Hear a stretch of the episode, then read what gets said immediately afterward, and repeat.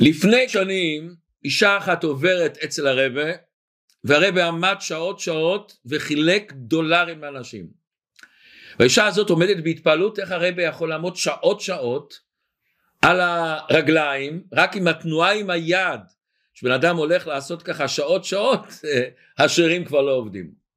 אז היא אומרת לרבה רבה איך אתה מסוגל לעשות את זה? איך אתה מסוגל לעמוד כל כך הרבה שעות לכל כך הרבה אלפי אנשים ולחלק דולרים? אומר לה הרבה שסופרים יהלומים לא מתעייפים. זה הסיפור. אבל בואו נראה את העומק של הסיפור. אני גר באנטוורפ, אני נכנס הרבה למשרדים של יהלומים.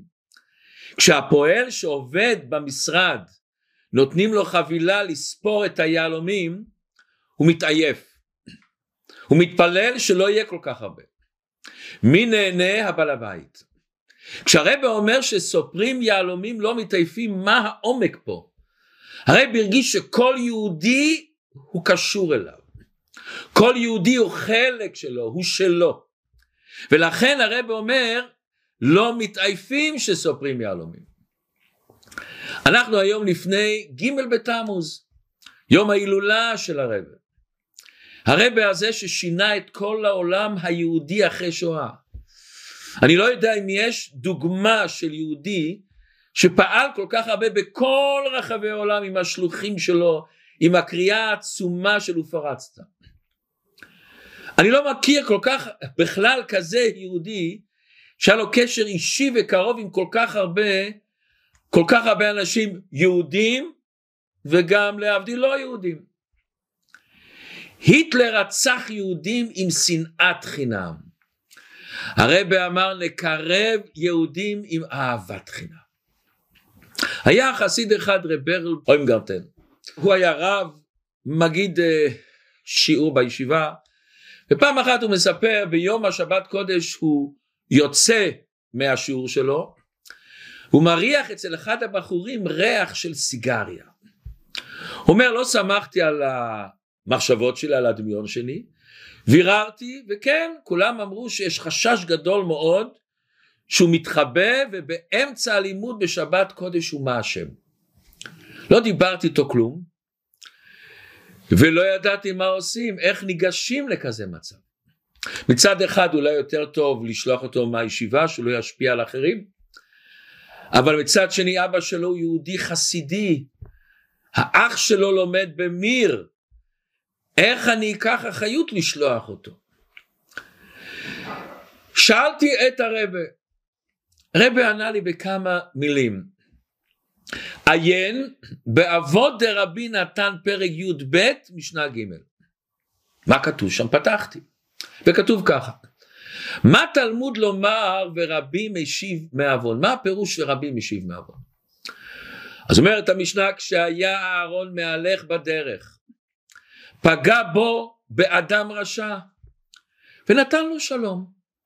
למחר ביקש אותו יהודי לעבור עבירה, אמר אוי לי, איך אשא עיניי אחר כך ואראה את הארון, בושתי ממנו, אני אתבייש שנתן לי שלום. נמצא אותו האיש מונע עצמו מן העבירה. ואז הגישה של אותו הרב בוינגרטן התחלפה ל-180 מעלות. עכשיו יש לו כבר שליחות, יש לו כבר אתגר. בשבת הבאה, שאותו תלמיד מגיע לשיעור, והוא מריח את הריח, אבל הרב בומגרטן מחבק אותו, משוחח איתו בחמימות באהבה. הוא עזב את הישיבה. חלפו שנים, באחד הימים ניגש אל אותו הרב בוימגרטן, אברך, שנראה אברך חסידי. ואז הוא אומר, כבוד הרב, אתה זוכר אותי? לא. אתה קירבת אותי בשיעור. אני לא, שמעת, לא שמרתי אז שבת. איבדתי את האמונה שלי. אבל עדיין ניכרו בי יסורי מצפון שלא נתנו לי לעשות כאוות נפשי. אמרתי בליבי אני אעשן סיגריה. ייתנו לי בעיטה החוצה ואז אוכלה לשכוח מכולם. אבל אתה חיבקת אותי, קירבת אותי, ראיתי שאני שווה אצל הקדוש ברוך הוא. והנה אני עומד לפניך עם טלית וחמשת בניי הולכים בדרך התורה אברכים חסידים. זה כוחו של הרבה, זה כוחו של קירוב, שיש לנו שליחות אנוכי אלך עמך. ובואו נראה איך שהמסר הזה מתבטא כל כך בפרשת חוקת. יש לנו בפרשה את, ה... את הפסוקים האלה המזעזעים אותנו. הקדוש ברוך הוא אומר למשה קח את המטה והקל את, את העדה אתה ואהרון אחיך ודיברתם אל הסלע לעיניהם ונתן מימיו והוצאת להם מים מן הסלע. והשקית את, את העדה ואת כל בעירה. ויקח משה את המטה כתוב בפסוק כאשר ציווהו ויקילו משה ואהרון את הקהל אל פני הסלע ויאמר להם שמעון האמורים אמין הסלע הזה נוציא לכם מים אנחנו יכולים להוציא מים. וירא משה את ידו ויק את הסלע במטהו פעמיים ויצאו מים רבים ויאמר השם אל משה ואל אהרון יען לא האמנתי בי להקדישני לעיני בני ישראל לכן לא תביאו את הקהל הזה לארץ אשר נתתי לכם זה החטא שמפורסם, החטא הזה של מי מריבה שבשביל זה משה רבנו לא נכנס לארץ. וכאן יש המון המון שאלות, שכל אחד שלו רואה את הפסוקים האלה ורואה את הצער הגדול של משה רבנו שרצה להיכנס, רצה להיכנס לארץ, והשם אומר לו בגלל זה אתה לא נכנס לארץ. דבר ראשון מה, אוקיי, מה החטא הגדול? השם אמר לו לומר והוא היכה. בשתיהם היה נס מופלא. אז מה, מה כאן שלא, הוא לא הקדיש את הקדוש ברוך הוא בתורה. ובכלל קשה, למה באמת משה רבינו היכה ולא עשה כמו שהשם אמר לו? אז בפר... בפשטות, מכיוון שבפרשת בשלח, בפעם הראשונה שהשם אומר לו, להוציא מים מהצור, עד השם אמר לו כן להכות את הסלע.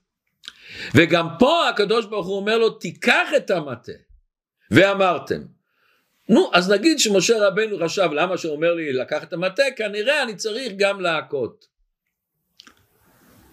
ובכלל איך יכול להיות שמשה היה איש האלוקים היה בהר סיני הביא לנו את התורה מה פתאום בא לו המשיכת הלב איזה רצון לא לעשות בדיוק הרי משה רבנו היה בטל הקדוש ברוך מה הסיפור פה? מה הסיפור פה? ולמה שם הקדוש ברוך הוא אמר להכות ופה פתאום הקדוש ברוך הוא אומר לדבר. וכמו בכל דבר התשובה לפעמים בתורה הקדושה תמונה בכמה מילים בודדות. אבל בואו לפני זה נקדים הקדמה חשובה מאוד מאוד. יציאת מצרים, חלק גדול מהתורה מסופר על יציאת מצרים, על העשר מכות, איך שיצאו את קריית ים סוף, איך שהם הלכו במדבר, חלק גדול מאוד מהתורה. ולכאורה מה זה שייך לנו? התורה זה הוראה, זה צריך להורות לנו. זה סיפור שהיה פעם בהיסטוריה. אומר הבעל שם טוב כלל, כל דבר בתורה זה הוראה בשבילנו היום. זה הווה. כל דבר שכתוב בפרשה הזאת של יצירת מצרים, זה לא רק דבר גשמי, זה איך שאנחנו יוצאים מהמצרים שלנו, איך שאנחנו גודלים, איך שאנחנו צומחים, איך שאנחנו פותחים כנפיים. וכל דבר שקרה לבני ישראל יש עניין רוחני אלוקי ומשמעות פנימית. מה המשמעות הזאת שבני ישראל בוכים ומצטערים, הבה לנו מים, אנחנו רוצים מים. ולמה באמת הקדוש ברוך הוא לא עשה להם בפשיטות מים? מים זה סמל של חיים. אנחנו מכירים שרוב האדם זה מים, רוב העולם זה מים. מים מסמל את הזרימה, את השפע, את העולם הפנימי, הרי כל החיים שלנו מורכבים ממים שעולים לכוכבים רחוקים ורוצים לחפש אם יש חיים, דבר ראשון מחפשים אם יש מים. אין מים לא יכול להיות חיים. זה מסמל את העומק של הנפש, את מקור החיים. יסוד של המים הוא התחילה של התהליך של צמיחה, של גדילה, של נביטה. כשהמים זורמים, הכל זורם, אנו מתרגשים כל כך לראות ים. נער זורם, מפל מים. אנחנו מתארים את עצמנו במים במקווה. נוטלים ידיים בבוקר כשהולכים לאכול. המים הם מתארים אותנו. גם מבחינה פיזית הם מנקים אותנו בידיים, במקלחת, בכל מקום. מים כתוב בתורת הסוד שזה חסד. מים הם, הם תמיד יורדים, משפיעים.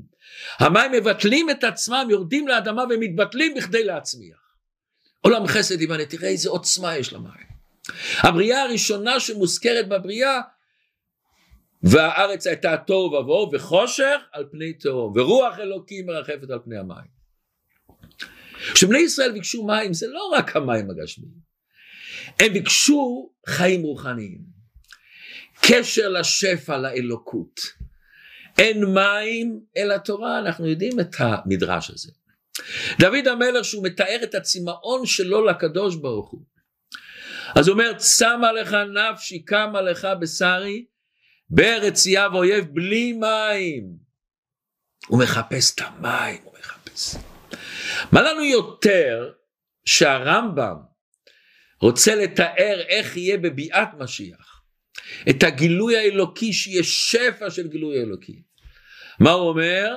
כמים לים מכסים. הגילוי האלוקי, ההתגלות של הקדוש ברוך הוא, של המים, של החיים, אין מים אלא תורה, יכסה את כל, את כל העולם. למה? כמים לים מכסים יהיה גילוי אלוקות. ירמיהו אומר אותי עזבו מקור מים חיים. ישראל מבקשים מים, הם צמאים לקשר יותר עמוק. לקשר יותר פנימי לקדוש ברוך הוא, לקשר יותר נפשי לקדוש ברוך הוא, לקשר יותר בלי אינטרסים. ובואו אני רוצה לספר לכם כמה מילים עם כל כך הרבה עוצמה יש בהם. בחור שהיה רחוק מהיהדות. אבל תראו גם בחור כזה, רחוק מהיהדות, תראו איזה אש יש בתוכו. והוא כותב, אמרו לי לדבר איתך השם. אולי אתה יכול להגיד לי מי אני. הלכתי לאיבוד יותר מדי זמן, כבר אינני יודע לאן אני שייך. החלום היחידי שיש לי, ריבונו של עולם, שתחזיק לי את היד. אני עומד כאן כדי לדבר איתך, השם. ופתאום כשאני עומד פה לדבר איתך אני מתחיל לראות מי אני. אני יודע שהלכתי לאיבוד בעבר, אבל ריבונו של עולם אני עומד פה מולך, מחזיק את ידך, לקחת חלק בתוכנית שלך, חלק בפאזל שלך בבריאת העולם. אפילו שיש לי עוד הרבה שאלות שאני רוצה לשאול. אך אני מרגיש אצלי פנימה להיכן אני שייך. ובסופו של יום, עם כל השאלות, עם כל הניסיונות, עם כל הנפילות שלי, אני שולח לך את היד, ריבונו של עולם, ומבקש ממך, תחזיק את היד שלי. אנא ריבונו של עולם, לעולם אל תשחרר אותי ממך. זו השאלה שאנחנו בתוכנו שואלים. איך נגלה את המים של החיים, את הזרימה של החיים, איך נחפור בנשמות שלנו כדי להגיע למים חיים שלנו, לקדושה שלנו, לטוב שלנו, ליופי שלנו, לאצילות שלנו, לעדינות שלנו. איך נחנך את עצמנו כדי שנגלה את זה? איך ליצור שבילים וצינורות בכל הקופסה שמכסה אותנו, כדי להגיע לעומק שלנו, לעומק הנפש שלנו, לקדושה שלנו. ובפרשת השבוע חוקת, אנחנו מוצאים את התשובה. בני ישראל ביקשו מים, ובואו נראה מה הקדוש ברוך הוא אומר להם, איך תמצאו את המים. ונראה שיש שני דרכים איך למצוא את המים. אחד היה בפרשת בשלח, ואחד היה בפרשה הזאת, פרשת חוקת. בפעם הראשונה שהקדוש ברוך הוא אומר למשה להוציא מים, מה השם אומר לו? ויאמר השם אל משה, אבור לפני ההר וקח איתך מזקני ישראל ומתך אשר הכית בו את היאור. הנני עומד לפניך שם על הצור והכית בצור ויצאו ממנו מים. ושתה העם ויעש כן משה. בפעם השנייה הקדוש ברוך הוא אומר קצת אחרת. אשר אומר למשה קח את המטה והקל את העדה אתה ואהרון אחיך ודיברתם אל הסלע לעיניהם ונתן מימיו והוצאת להם מים מן הסלע. אומר הפסוק ויצאו מים רבים וכל העדה קיבלו את המים. בואו נראה כמה שינויים קטנים ונראה איזה עומק יש בשינויים האלה. בפעם הראשונה בבשלח כתוב הצור. הפעם כתוב סלע.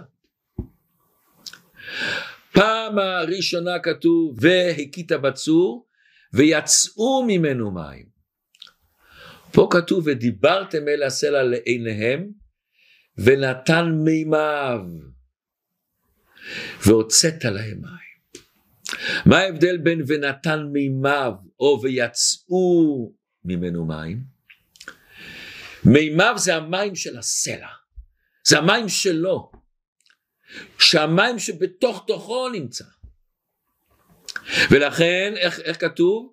שם כתוב ויצאו, פרשת השבוע כתוב ונתן מימיו. צור וסלע הם שני דברים שונים. צול הוא חזק, כולו אבן אחת, מקשה אחת. סלע זה ריכוז הרבה פעמים של כמה אבנים של חול, לפעמים יש בתוכו לחות, הוא יכול להתפורר, לפעמים יש בתוכו אפילו מים. צור זה נקרא עוצמה, אין צור כאלוקינו. צור לבבי וחלקי אומר הפסוק. אלוקי צורנו, צור זה עוצמה, זה חוזק, זה כוח. אבל סלע זה משהו אחר לגמרי. סלע זה הרבה יותר עדין, סלע הוא לא חתיכה אחת מוקשה אחת. מסביר הרי במערש הרב רב שמואל שניארסון שהיה האדמו"ר החמישי לבית חב"ד, סליחה האדמו"ר הרביעי לבית חב"ד. והוא מסביר, והוא טבע את הפתגם שוודאי שמעתם, לכתחילה הריבר. הוא מסביר מה זה בחסידות ובקבלה, מה ההבדל בין סלע לצור. הוא אומר סלע זה נשמות יותר נעלות. כמו שאמרנו סלע הוא, הוא עוד יותר עדין, יש בתוכו גם לחלוכית, יש בתוכו גם מים לפעמים. צור זה נשמות יותר שקשורות לגשמיות. השם אומר למשה צריך לגלות ולהוציא מים גם מן הצור וגם מן הסלע. גם מהאדם הזה שנקרא צור שהוא גשמי וחומרי גם ממנו אפשר להוציא וגם מן הסלע שהוא נשמה יותר רגישה רוחנית גם ממנו צריכים להוציא. את הקשר לקדוש ברוך הוא. אבל הדבר הראשון הראשון, ראשית הכל אדם צריך להאמין שיש בך מים. גם אם אתה צור, ובוודאי אם אתה סלע, יש בתוכך אפשרות לגלות מים. ואתה צריך לחפש אותו. אנחנו הרבה פעמים מדברים לעצמנו, או בפה או במחשבה. ואנחנו הרבה פעמים אומרים אני בסדר או לא בסדר, אני צריך את זה באמת או לא צריך את זה באמת, אני מסכים איתו או לא מסכים איתו, אני באמת חושב מה שאני אומר או לא חושב מה שאני אומר, פלא פלאים. מי זה האני הזה שמדבר לאני השני? אני אומר לעצמי, אני בסדר או לא בסדר? מה זאת אומרת אני בסדר? מי זה האני הזה שמדבר לאני השני? יש בנו שני אני. יש בנו את אני שהוא החלק אלוקה ממעלה ממש. המוס, המוסר שבנו, המצפון שבנו, העדינות שלנו, האלוקות שלנו, את הנשמה האלוקית. יש לנו את הנשמה הבהמית, את הקליפה שלנו. ושניהם מדברים אחד עם השני. יש סיפור נפלא ממש. יש יהודי אחד, הרב איינרב, הוא גר בבולטימור. והוא סיפר, הוא, הוא היה אחד שלומד תורה, והוא גם עשה, הוא פרופסור לפסיכולוגיה. בערך בגיל 30 נהיה לו המון ספקות. האם לקדם את הקריירה שלי בפסיכולוגיה, לעבור לתחום ריפוי פרטי או לקבל משרה שהציעו לי מאחד הארגונים. באיזה מקום לשלוח את הילדים שלי ללמוד תורה. הוא אומר אני אגיד לכם את האמת גם נכנסו לי ספקות באמונה שאלות פילוסופיות. וכל השאלות האלה וכל הספקות האלה הכניסו אותי למצב רוח לא, לא הכי טוב, דיכאון כזה. לא ידעתי למי לפנות, למי אני אפנה. ואז אחד אומר לי תשמע תלך להיפגש עם הרב מלובביץ'. אבל אני לא חסיד חב"ד, ואני לא רוצה שיתחילו לקרב אותי לחב"ד, ולא רוצה בכלל שידעו את הכתובת שלי, את השם שלי. בשנת 1971 בפברואר, למניינם, התקשרתי לרבה. והחלטתי, אני לא אומר את השם שלי, לא רוצה שום דבר, שום קשר יש לי את השאלה ואני אשאל. ואז המזכיר של הרבה מרים את הטלפון, זה היה הרב חודקוב, זיכרונו לברכה, ושואל אותי באנגלית מי זה. אוקיי, אז אני אומר, מדבר יהודי ממרילנד. זה אמרתי לו. וסיפרתי למזכיר את כל השאלות הרבות שרציתי לשאול את הרבה, להיכן אני צריך לפנות בחיים שלי, לפתח קריירה של עוד באמונה, אמרת שאני מאוד מבולבל ולא יודע למי לפנות. אני דיברתי באנגלית, ואני שומע את המזכיר חוזר על דבריי ביידיש, ופתאום שמתי לב שאני שומע עוד קול שכנראה הרבה היה על הקו לפעמים, לפעמים לא לעיתים קרובות, אבל כשהתקשרו לאותו מזכיר הרבה גם החזיק את השופרת בצד שלו. ואז אני שומע את הרבה אומר ביידיש, לרב חודקוב שימסור לי, אמור לו שיש יהודי שמתגורר במרילנד, שהשם שלו זה ויינרב, ושהתייעץ איתו. ואז הרב חודקוב, כמו שחסיד, חוזר לי מילה מילה מה שהרבי אומר. שיש כזה יהודי, ואני לא יכול להאמין למה שאני אומר. אני יודע שלא אמרתי אלא מזכיר את שמי, ואיך הרבי מזכיר את שמי, ושאני אתייעץ עם עצמי, מה זאת אומרת להתייעץ עם עצמי? ואז המזכיר אומר לי, שמעת? אני אומר לו, לא שמעתי, לא שמעתי. אז הוא עוד פעם אומר לי, יש יהודי במרלן עמו עליך להתייעץ ושמו הוא ויינרוף. אז אני אומר לו, אני? זה אני איך זה יכול להיות? ואז אני שומע את הרבה שאומר לו ביידיש, לפעמים יהודי צריך להתייעץ עם עצמו, לדבר עם עצמו. והרגשתי פתאום שהמזכיר עצמו היה נדהם. הוא עצר לרגע, לרגע ומתנשם ואומר לי באנגלית, הרבה אמר שלפעמים הדבר הטוב ביותר הוא שאדם צריך לדבר עם עצמו. האם שמך זה ויינרוף? אני אומר לו כן, זה שמי. אז הרבה מתכוון אליך. תדבר עם עצמך. וואו, זו הייתה שיחה. וכמה שזה עזר לי בחיים. וכמה פעמים שהיה לי ספקות, דיברתי האני עם האני. שתי האני נפגשו ביחד.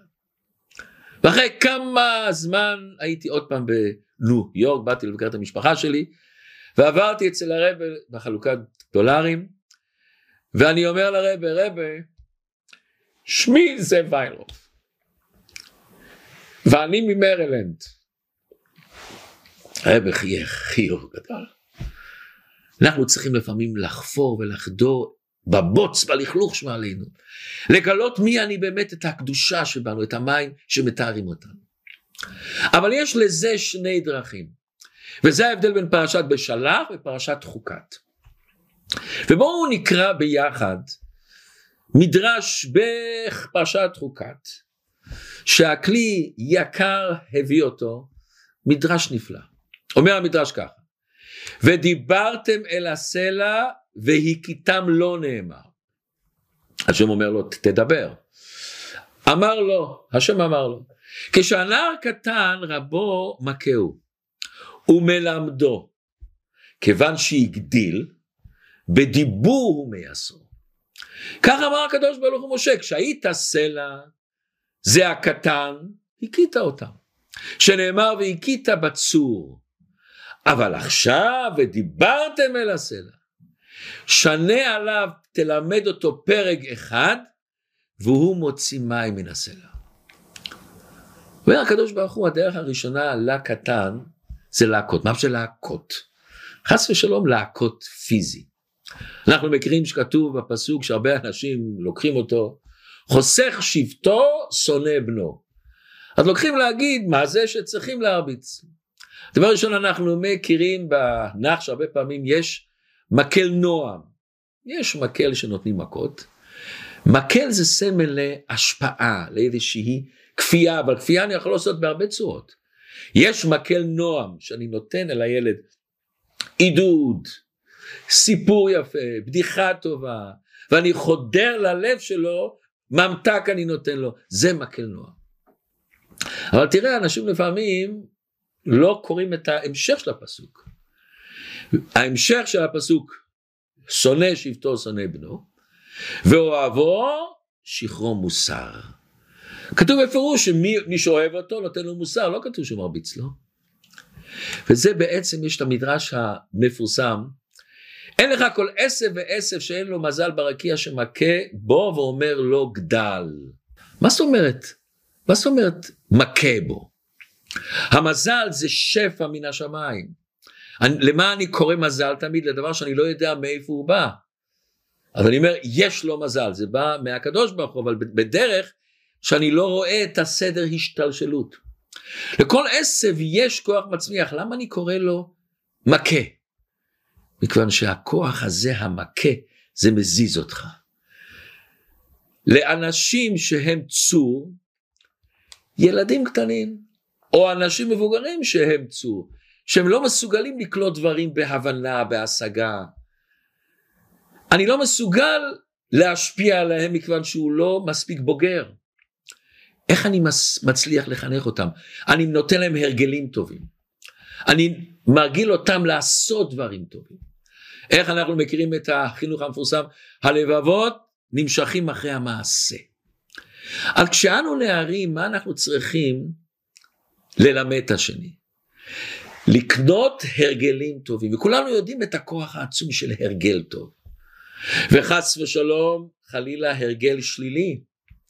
ואם אני רק אגיד אל הילד בבקשה, אל תרביץ, אל תעשה, לא תמיד הוא ישמע אותי, לא תמיד הוא יעשה את זה, לא בגלל שהוא לא ילד טוב, אלא שהוא לא מבין, או שאין לו, לו כוח לשלוט על הרצונות שלו, הוא עדיין חלש. כל בית ספר יש לו כללים בהתנהגות שלו. בלי זה אין לבית ספר השפעה, יש לו את המסגרת. וכמובן שאני לא אומר את זה מתוך כעס, מתוך זלזול, מתוך כפייה, אני שם לו כללים. אני שוחחתי לפני שנים עם uh, ספורטאי גדול מאוד, והוא אומר ההצלחה בחיים זה כוחו של הרגל ומשמעת. מה שיכריע כמה רחוק נגיע זה לא כישרון, זה משמעת, וזה בידינו. מה שגורם לרוב האנשים להיכשל בהשגת המטרות שהשיגו לעצמם, זה לא דווקא היעדר מוטיבציה, היעדר משמעת, היעדר הרגל. בהסתכלות לאחור הוא אומר לי, אני בתור ספורטאי של, של אליפות, של אולימפיאדות, אני רואה שהדבר הכי נפלא זה משמעת. יש לך הרגל שזה מושפע מהחינוך שלך. אבל, אבל, אני צריך משמעת מחשבתי. כל פעולה שאנחנו עושים מתחילה במחשבה. כמה שנצליח יותר לשלוט על המחשבות שלנו ונהיה בריכוז מלא על ההרגלים שאני קובעתי לעצמם, על המשמעת שאני שם לעצמי, זה יותר מקרב אותי למטרה. וזה הפירוש שאין לך עשב ועשב שאין לו מזל מלמעלה של מכה עליו. המכה גורמת לנו לחשוב מחוץ לקופסה. המשמעת הזאת, ההחלטה הזאת שבכל מצב אני עושה, זה נותן לי את התנופה, זה מרים אותי. ולפעמים אדם רוצה לשבת בטל, משומע, ולא לגדול. השם יש לו מזל, השם אומר, יצרתי אותך לעובדה ולשומרה, השם אמר לאדם הראשון. לא נברא האדם אלא לתקן, לכן יש לו מזל שתמיד דוחף. ולכן אנחנו רואים תמיד אצלנו יש איזה דבר שאתה לא מצפה בו ופתאום אתה מרגיש אתה רוצה משהו לעשות. אתה רוצה לגדול אתה רוצה לצמוח. ואם אתה, אין לך תנועה כזאת אתה מרגיש רע. זה אותו המזל שלנו שיש לנו את המזל שמכה בנו ודוחף אותנו שתצמח תגדל אבל יש בעיה בהרג, בהרגלים יש בעיה אם אני עושה רק מתוך משמעת לפעמים ההרגלים גורמים שאני יוצר עשייה בלי חיות, בלי קשר פנימי לדבר. אני עושה דבר מצד מעשה טכני. חס ושלום, יהודי שומר מצוות, אם הוא עושה את זה רק מצד הרגלים, רק מצד החלטה, משמעת עצמית שלו, מצד סביבה וחברה, הקשר שלו לקדוש ברוך הוא לפעמים הוא נהיה קשר טכני. זה לא רגשי, זה בלי לחלוכית, בלי נפש, בלי נשמה הדבר. לכן, ורק שלב ראשון, שאני מחנך את הילדים, את הנערים הקטנים, אני עושה להם את ההרגלים האלה. רק כשאדם גודל ומתבגר, הוא כבר לא צור, הוא כבר סלע, הוא כבר יש פה הרבה ערכים, הרבה השקפות, הרבה דברים שהוא שמע בחיים שלהם שהרימו אותו. יש בו כבר מים חיים. אז אתה עובר לשלב הבא. אתה עובר לשלב להיות סלע. אתה עובר אל השלב שצריך לדבר אל הסלע. אתה מדבר עליו שהוא יעמוד על הרגליים שלו. הוא לא יעשה דבר בשבילי, בשביל הסביבה שלו, בשביל ההרגלים שלו, שהוא יעשה את זה מצד עצמו. אחרי שהוא יוצא מהבית ספר, מהבית, מהחברה שיש לו, פה מגיע השלב השני שאני צריך לעשות, שאני צומח מהפנימיות שלי. השלום אומר דבר נפלא. אנחנו אומרים בתפילת 18, אלוקי אברהם, אלוקי יצחק ו- ואלוקי יעקב. למה לא אומרים אלוקי אברהם, יצחק ויעקב? אומר השלה הקדוש. אברהם אבינו מצא את האלוקים בכוחות עצמו, הוא חפר בנפש שלו, הוא גילה את השם. הוא העביר את זה ליצחק. אבל האלוקים של יצחק לא היה האלוקים של אברהם, האלוקים של יעקב לא היו האלוקים של יצחק, הם היו האלוקים שלו. אז אני אומר אלוקי אברהם, אלוקי יצחק ואלוקי יעקב. זה דבר נפלא לראות שכל אחד גם התפיסה שלו, הקשר שלו עם הקדוש ברוך הוא אחר, מכיוון שזה האלוקים שלו. רב מאיר שפירא פתח ישיבת חכמי לובלין. מה הוא עשה בכותרת, תמיד בבית, בישיבות עושים עץ חיימי למחזיקים בה, כי מציון תצא תורה. הוא כתב פסוק מעניין. לכו בנים שימו לי יראת השם מלמדכם. שאלו אותו מה, מה, מה הפסוק הזה? הוא אומר הישיבה שלי היא שאני רוצה שהילדים האלה שהם יוצאים מהישיבה לכו בנים הם עוזבים את הישיבה לכו בנים שימו לי ואז יראת השם עליו אתכם, אז זה סימן שלימדתי אתכם. החינוך מתחיל שהילד נפרד מהחינוך, שהוא יוצא מהחינוך. וזה מה שאומר המדרש, שבני ישראל היו בהתחלה שהם עזבו את מצרים, הם היו כמו, כמו אותו הנערים הקטנים שהם עוד לא שלמים. במצרים היו במ"ט שערי טומאה. הם היו בבחינת צור, היו קשה להם מאוד. ויראו אותנו המצרים, כולם שואלים מה זה ויראו אותנו ולא ויראו לנו, ויראו אותנו, הם עשו אותנו רעים.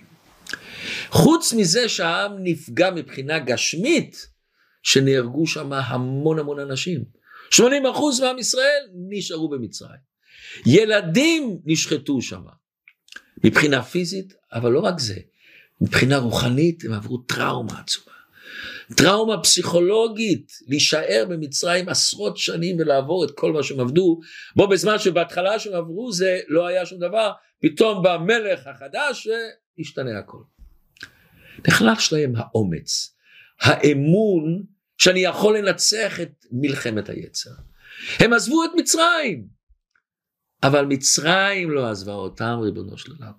היו להם חוסר ביטחון בכוח, בהרגשה שלהם.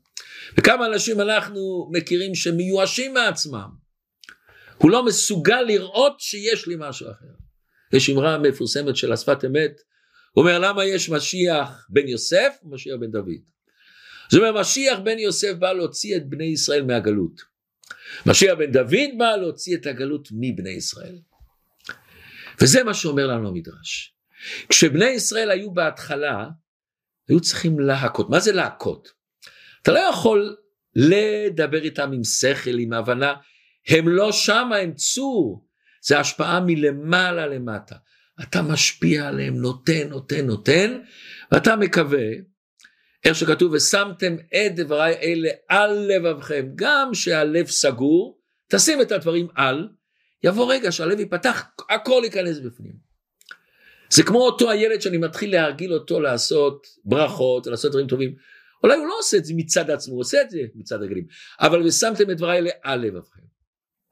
לכן זה היה צור, ולכן השם אמר להכות. מה זה להכות? להשפיע מלמעלה. ולאחרי 40 שנה הם שוב רצו מים. אבל עכשיו היו במצב אחר, הם היו כבר לא צור, סלע.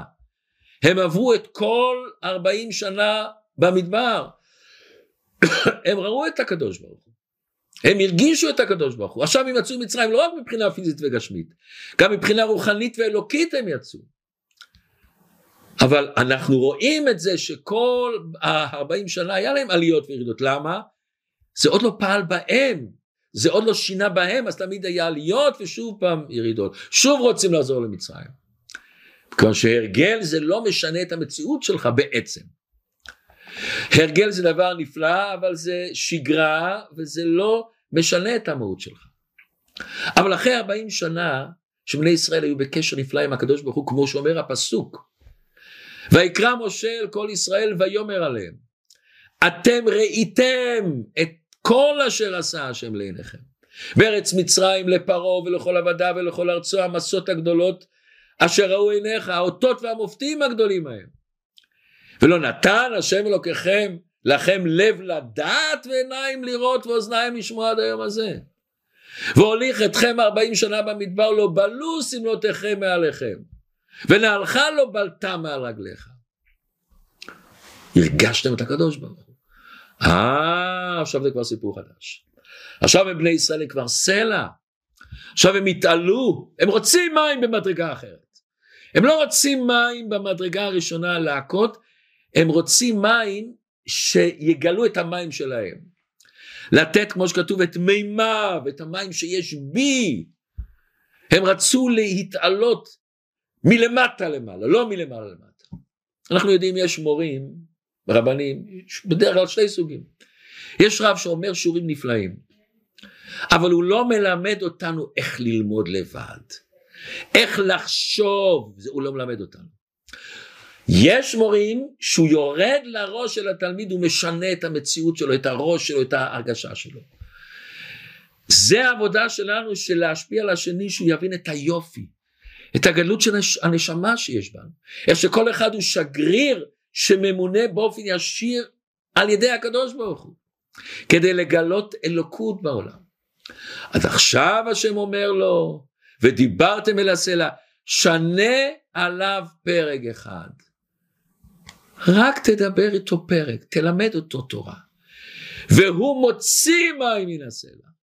אתה לא מוציא את זה, הוא מוציא. ברגע שאתה משפיע עליו, אתה מגלה את התורה, את הקדושה בדיבור, יוצא ממנו לבד, פתאום הוא נדלק לבד, נדלק לבד. כמו שאנחנו רואים, הולכים לבן אדם, אומרים לו בוא תניח תפילין. אוקיי? מה, מי, מו, איך פתאום? ותראו דבר מעניין. סמך, למד, עין, זה סלע. איך כותבים סמך? סמך, מם וכף. אות הפנימית זה מם. למד זה למד מם דלת, איך שכותבים את האות למד, האות הפנימית זה מם. עין זה עין יוד נון, האות הפנימית זה יוד. מה זה מם יוד מם? האות האמצעית הפנימית של הסלע זה המים. תגלה את המים שיש בך. ובואו נלמד עוד דבר מעניין באותו פרשה פרק כ"א. כתוב אז ישיר ישראל את השירה הזאת עלי באר ענו לה באר חפרו השרים וכולי וכולי וכולי. אומר ילקוט שמעוני שם לב לשינוי אחד.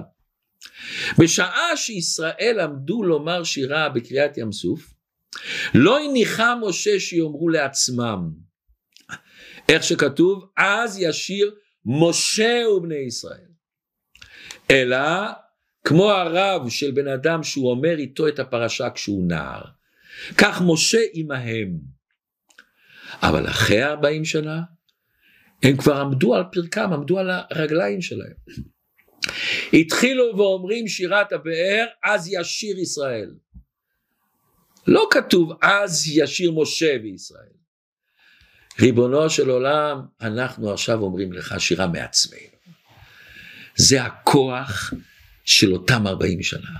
הם כבר לא צור, הם כבר סלע. אבל עכשיו בואו נראה עומק נפלא, שהרבא גם מכניס את זה בשיחה. איך יכול להיות משה רבנו, הכל מובן, הכל בסדר, אבל איך משה רבנו לפי המדרגה הגדולה שלו, הנקודה הזאת שהוא לא עשה כמו שהשם רצה בדיוק. השם רצה לדבר, הוא לא דיבר. אפילו שאור החיים הסביר שבעצם בגלל שהשם אמר לו תיקח את המטה אז הוא יכל לפרש, תיקח את המטה וגם תרביץ. למה הוא בחר לפרש בפירוש הזה ולא בפירוש הפשוט? תיקח את המטה ותדבר. הם היו כבר במדרגת סלע. וכמו שאומר אותו הרי במערש, ברגע שמשה היכה על הסלע הוא הוריד אותם במדרגה. למה? הוא הוריד אותם כבר שהוא מתייחס אליהם כמו שהם לא במדרגה העליונה של סלע, במדרגה של צור, כמו שהיה לפני 40 שנה. ומעניין, יש לרמב"ם מאמר שנקרא מאמר קידוש השם, איגרת השמד. זה הרמב"ם כתב במרוקו, שהוא, אז התחיל האסלאם, וגרם לבלבול עצום, ייאוש עצום, והרמב"ם כתב את המכתב הזה מאוד חזק, לעודד אותם. ומעניין, שם הוא כותב, מה הסיבה שמשה רבינו לא נכנס לארץ? הוא אומר מכיוון שבזמן שהקדוש ברוך הוא התגלה אליו בסנה, הוא אמר אין לא יאמינו לי. באיזשהו מקום הוא לא האמין בעם ישראל שהם יכולים להאמין. וזה מה שהשם אומר לו יען לא האמנתי בי להקדישני. מה זה להקדישני? שהקדושה לא תצא מהפנימיות שלכם. עכשיו הם סלע הם יכולים לעשות אליכם. אז זה עכשיו הזמן שאתה צריך לתת להם את הכוח לצמוח מעצמם. איך שאומר המהר"ל, המהר"ל אומר דבר נפלא. הוא יתברך היה רוצה שיהיו כל הנמצאים נמשכים אחרי דיבור השם יתברך לעשות רצונו מעצמם ולא על ידי הכרח.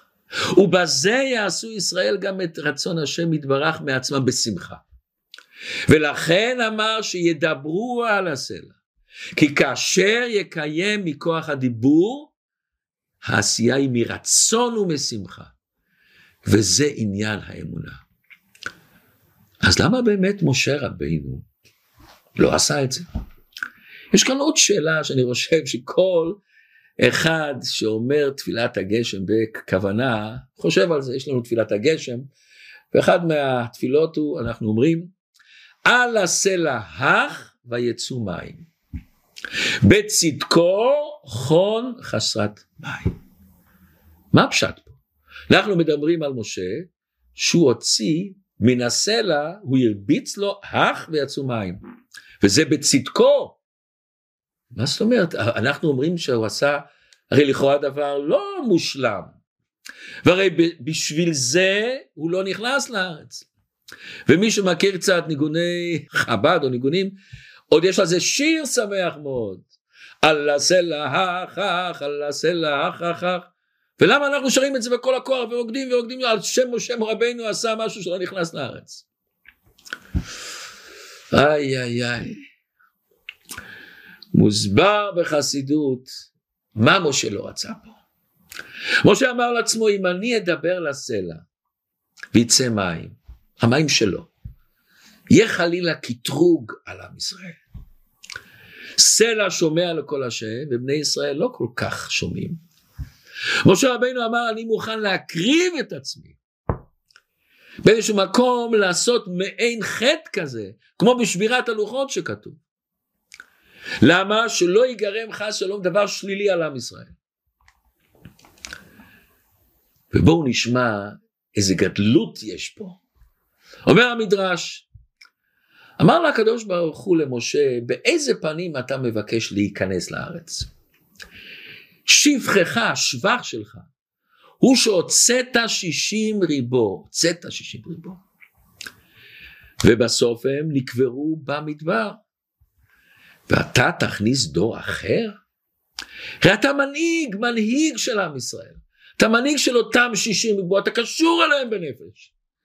עשית הכל שהם יישארו, שיהיה להם חלק לעולם הבא. אתה זה שאמרת לקדוש ברוך הוא, ואם לא, מחן הנה מספרך. עכשיו יאמרו, אין לדור המדבר חלק לעולם הבא. אומר הקדוש, אלא תהיה לצידם ותבוא עמהם.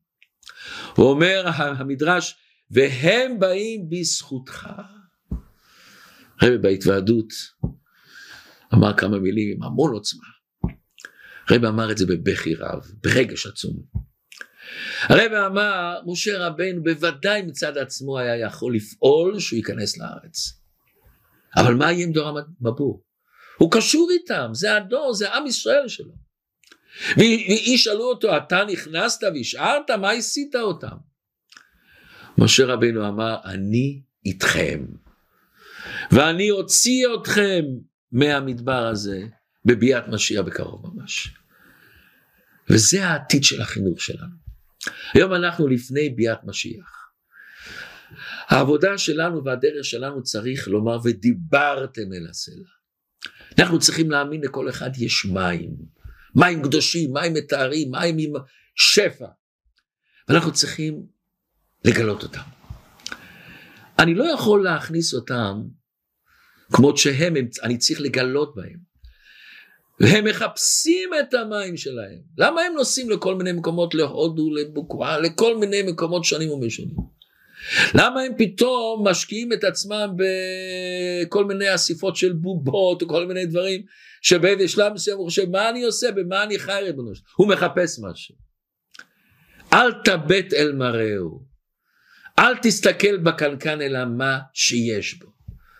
רק אז תוכל להיכנס ללב שלהם. תוכל לדבר את השפה שלהם. נוכל להבין לפני מי אנחנו עומדים השם ייתן לכולנו שנזכה לגלות את המים שלנו ונזכה להאמין שכל אלה שמסביבנו יש בהם המון מים קדושים וטהורים ושנזכה בקרוב ממש לביאת משיח